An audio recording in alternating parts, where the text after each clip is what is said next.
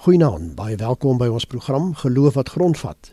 In die program gesels ons oor onderwerpe waaroor gewone lidmate in kerke onseker is en antwoorde soek en hoe dat 'n mens jou geloof prakties kan uitleef. Ek is Flip Loots en by my verwelkom ek vir professor Christina Landman. Sy is professor in teologie aan Unisa. Goeienaand Christina. Goeienaand Flip, goeienaand luisteraars. Ook baie welkom aan dokter Wouter van Wyk. Hy is die sekretaris van die kommissie van die Algemene Kerkvergadering van die Nederduitse Hervormde Kerk van Afrika. Goeienaand ook aan jou Wouter. Naand Flip, naand almal wat luister. En jy's luisteraar, baie dankie dat jy saam met ons kuier. Jy kan ook deelneem aan die program. Jy kan gerus ons SMS nommer gebruik 45889. Ons hoor graag jou opinie en elke SMS kos R1.50. Of ons e-posadres is ook daar beskikbaar: rsg.co.za. En dan ook moet jy weet dat hierdie program nie aan jou as luisteraar voorskrifte gee van presies hoe om te lewe nie, maar riglyne waarbinne jy self keuses kan maak. Er is hier stem ook nie noodwendig saam met die opinie van enige persoon wat aan hierdie program deelneem nie. Met die huidige COVID-19 inperkings het die verhouding tussen die kerke en die regering of ons kan maar sê die staat weer sterk op die voorgrond gekom. Met dit dat die regering besluit het dat kerke hulle deure moet sluit of slegs enkele mense by 'n diens mag toegelaat het, ontstaan die vraag wat die verhouding tussen regering en kerk is. Mag die regering kerke voorskryf wat om te doen en hoe om te aanbid of nie? Wie is nou reg, die kerk of die regering? 'n Geloof wat grondvat gesels ons vanaand hieroor. Christina, tot hoe ver moet 'n kerk gehoorsaam wees aan die wette en reëls van die staat? Flip, ons het 'n sekulêre staat wat dan eintlik beteken dat kerklike wette ondergeskik is aan staatswette.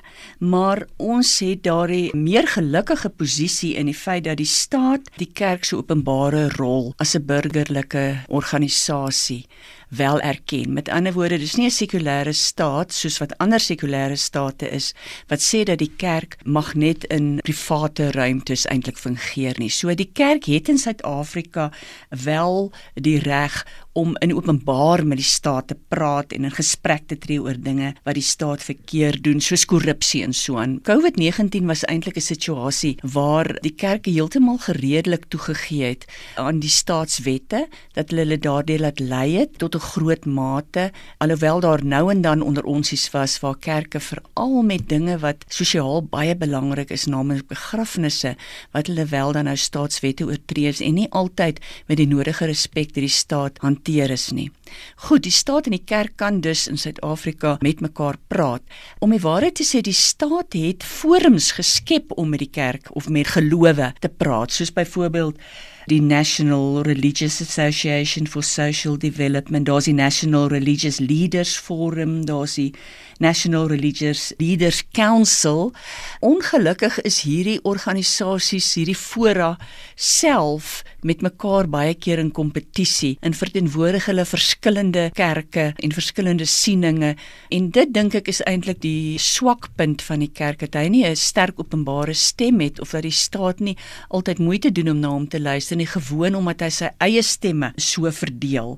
Die kerk het selfs besware daarteenoor dat die staat sulke forums geskep het. Hulle sê dit is maar 'n manier van die staat om in te meng by die kerk en want die kerk moet nou hier op hierdie forums verslag doen aan die staat en dit wil die kerk nie doen nie. En dan sê die staat aan die ander kant maar ons skep die Engels social cohesion, sosiale kohesie, sosiale samewerking tussen die kerke want hulle kan dit self nie doen nie. Tussen die kerke en die godsdienste. So die situasie tussen kerk en staat, hierdie verhouding tussen kerk en staat en of die kerk gehoorsaam moet wees en wie vir wie moet luister, dis 'n moeilike vraag om te antwoord en dis ook nie 'n onskuldige vraag nie. Dit is 'n vraag wat baie sterk op die hele samelewing reflekteer. Kom ons hoor of Wouter vir ons 'n bietjie meer lig hierop kan werp. Wouter, waar trek 'n mens 'n streep tussen die gesag en die aktiwiteite van die regering en die kerk? Flip, ek wonder of dit nie sal help as 'n mens net eers 'n bietjie sê daar's verskillende lewenssfere wat 'n mens kan onderskei. Elke mens en elke organisasie en dus ook elke kerk het 'n sfeer van belang en 'n sfeer van invloed en ek dink ons kan miskien ook praat van 'n sfeer van aktiwiteit. Met ander woorde, ons en ook as kerke het ons belang by 'n groot klomp goed wat in die samelewing gebeur. Maar ons kan nie invloed uitoefen oor alles wat in die samelewing gebeur nie. en ons is nie aktief in elke onderdeel van die samelewing nie. En dieselfde geld natuurlik vir die staat ook. Die staat het ook belang by alles op 'n of ander manier en het nie oral invloed nie en is ook nie oral aktief nie. Ons kan by sê ook nie oral effektief nie. Natuurlik is daar dan oorvleueling tussen die belange en die invloedsfeer en die aktiwiteitsterreine van die kerk en die staat.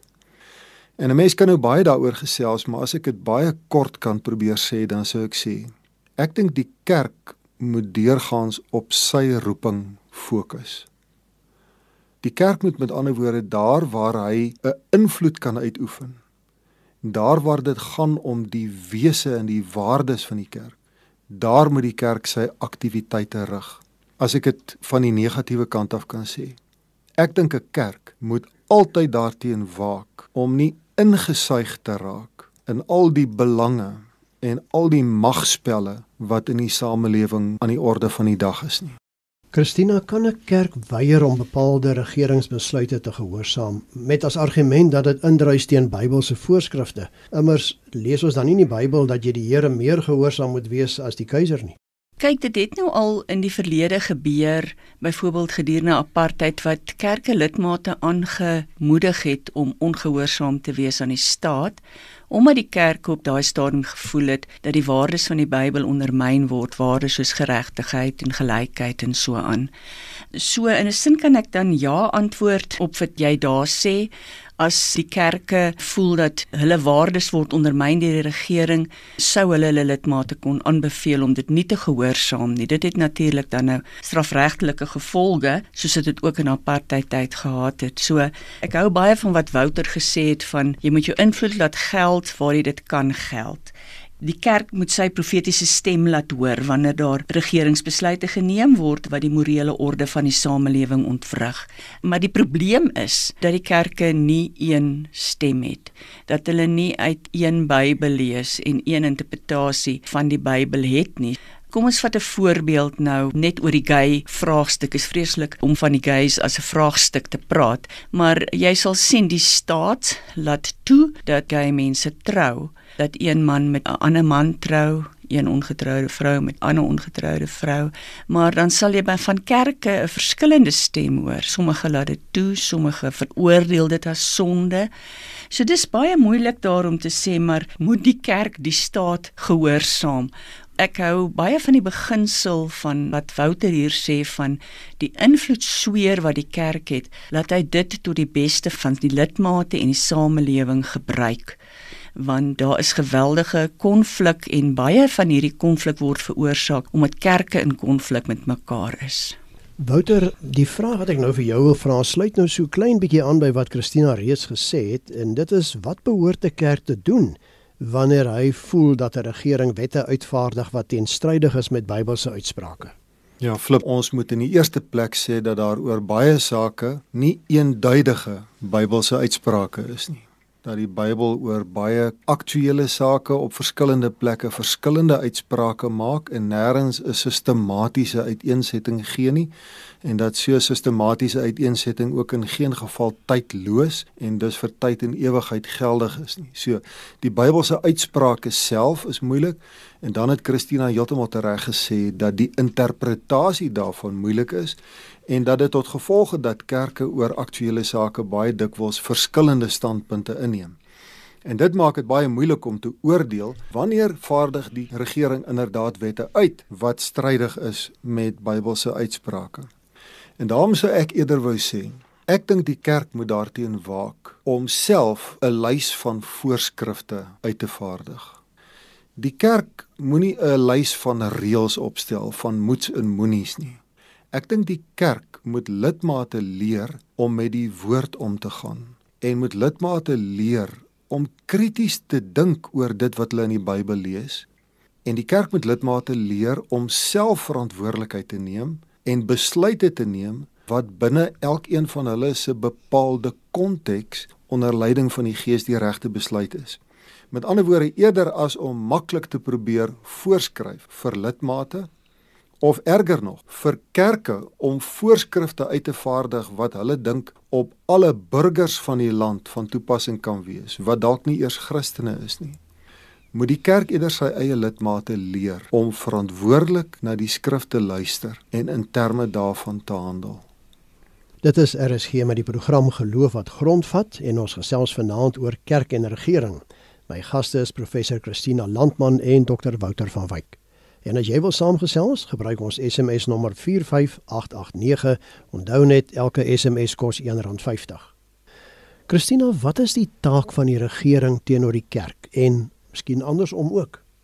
Ek stem baie saam met die feit dat die kerk nie lyste moet opstel van as jy dit doen is dit sonde, as jy dit doen is wat die Here wil hê nie, maar dat ons 'n soort van 'n reformerende saamstap van die kerk met die Bybel en die Here se wil sal hê en dat ons onsself daarop sal grootmaak en dat ons altyd die mees liefdevolle, respekvolle keuses sal neem uiteindelik volgens beginsels, grondbeginsels van die Bybel. Maar ek dink in die verhouding tussen die regering en die kerk en nou moet ek eerlikwaar sê, gaan ek nie baie vriende maak as ek dit sê nie, maar ek voel tog daar moet 'n tipe kontrak tussen die kerk of dan alle gelowe en die regering wees. Die kontrak moenie sê die regering dat jy aan hulle verslag moet doen of dat hulle toesig oor jou hou of so nie, maar dat die regering tog erkenning sal gee aan kerke wat 'n gesonde konstitusie het, 'n gesonde kerkorde het en 'n gesonde kerklike praktyk het. En dat die regering dan daardie registrasies sal gebruik dat wanneer hulle noodsaaklike goedere soos medisyne byvoorbeeld nou in COVID tyd of selfs behuising of kos of so wil versprei dat hulle hierdie kerke sal kan gebruik waar ons maatskaplike dienste regtig tekort skiet en dat daar dan hierdie wederwysige erkenning is van mekaar se funksie.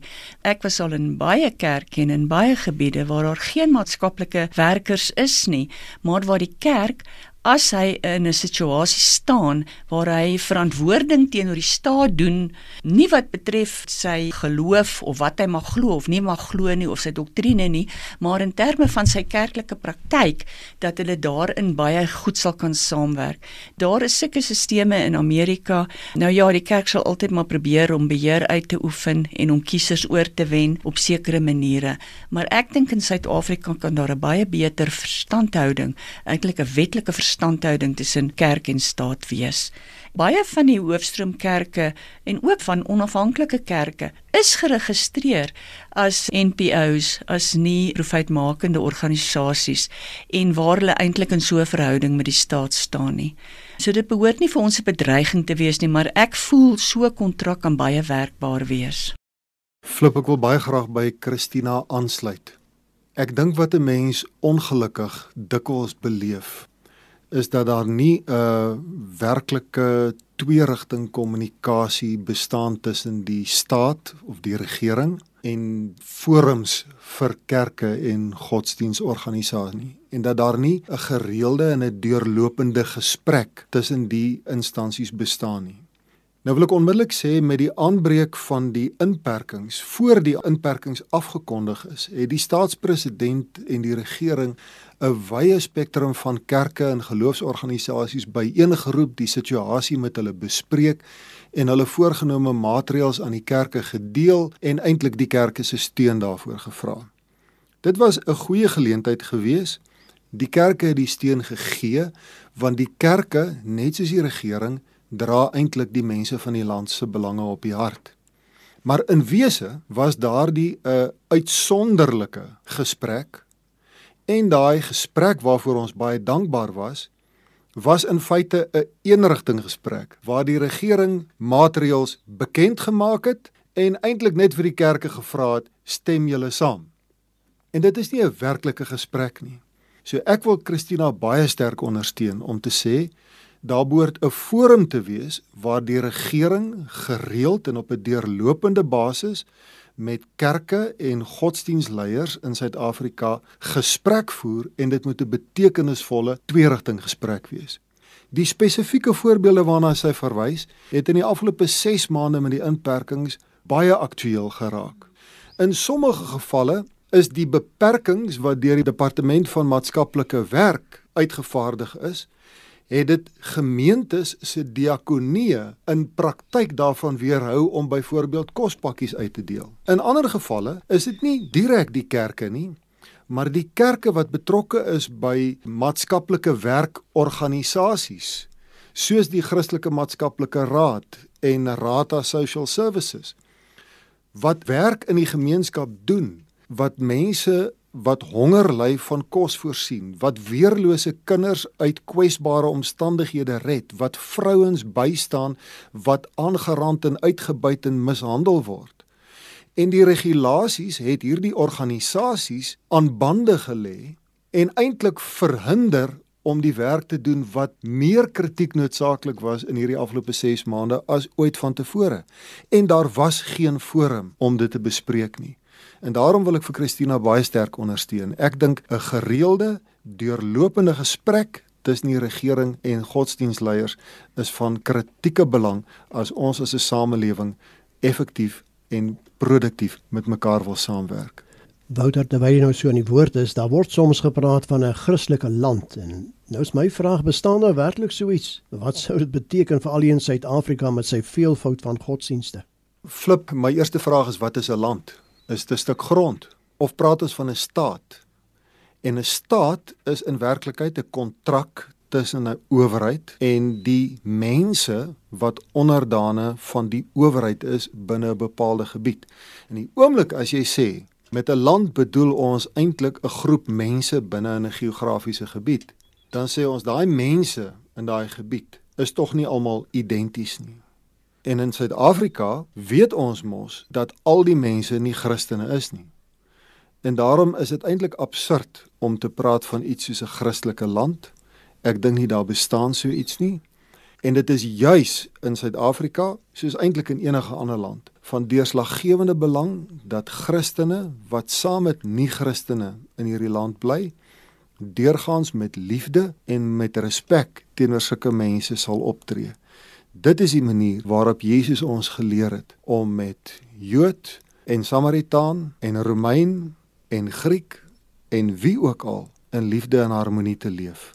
Ongelukkig kan ons dan ook ons kop in skaamte laat sak as ons sê ons is 'n Christelike land terwyl ons ja 80% Christene is, maar ons het ook die hoogste verkrachtingssyfer, ons het die hoogste huishoudelike geweldsyfer en ons het die vinnigste verspreiding van HIV so alhoewel ons dan in getalle 'n Christelike land is onder 'n sekulêre staat natuurlik moet ons erken dat daai seer wat mense mekaar maak in hulle intieme ruimtes dat dit hoogtyd vier en hoekom het ons dan nie as 'n Christelike groep mense wat hoofsaaklik Christelik is het ons dan nie 'n invloed om daardie dinge reg te maak nie alhoewel ons wette het wat dit sou kon verbied Dit is RSG met die program Geloof wat grondvat en ons gesels vanaand oor kerk en regering. My gaste is professor Christina Landman en dokter Wouter van Wyk.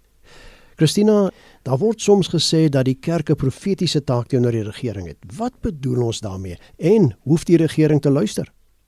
Flip, ja, ek moet sê ek is die een wat met al die klaagliedere kom vanaand en Wouter is die een wat meer na die oplossings beweeg. Maar die profete in die Ou Testament het die regering van die dag gekritiseer. Dit is nou die konings. En as ons dan sê die kerk het 'n profetiese rol, dan sê ons dat die kerk het 'n rol van 1994 af het ons die woord kritiese woorde kritiese solidariteit baie gebruik dat hulle die kerk het met die nuwe regering uh, solidariteit getoon maar dit was 'n kritiese solidariteit.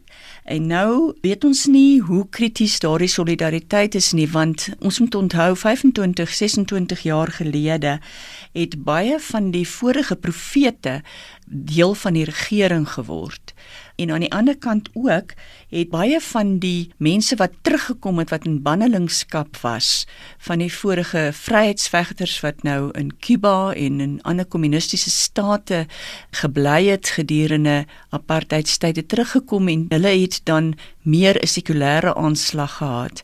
Die gevolg was dit nou in 26 jaar ons nou nog nie 'n model op die tafel het waar die kerk en die staat kan saamwerk nie.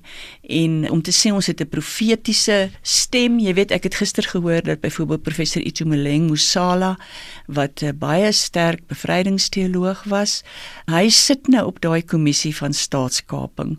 So dit is 'n baie goeie teken dat die kerk en die staat mekaar op daai vlak luister, maar ons het nog nie 'n model soos ons nou al gesê het vir die kerk en godsdienste om saam te werk na 26 jaar nie. Wouter ek het net nou verwys na 'n Christelike land en jy het baie mooi daarop geantwoord, maar kom ons gooi die vraag om. Hoe gehoorsaam 'n mens 'n heidense regering?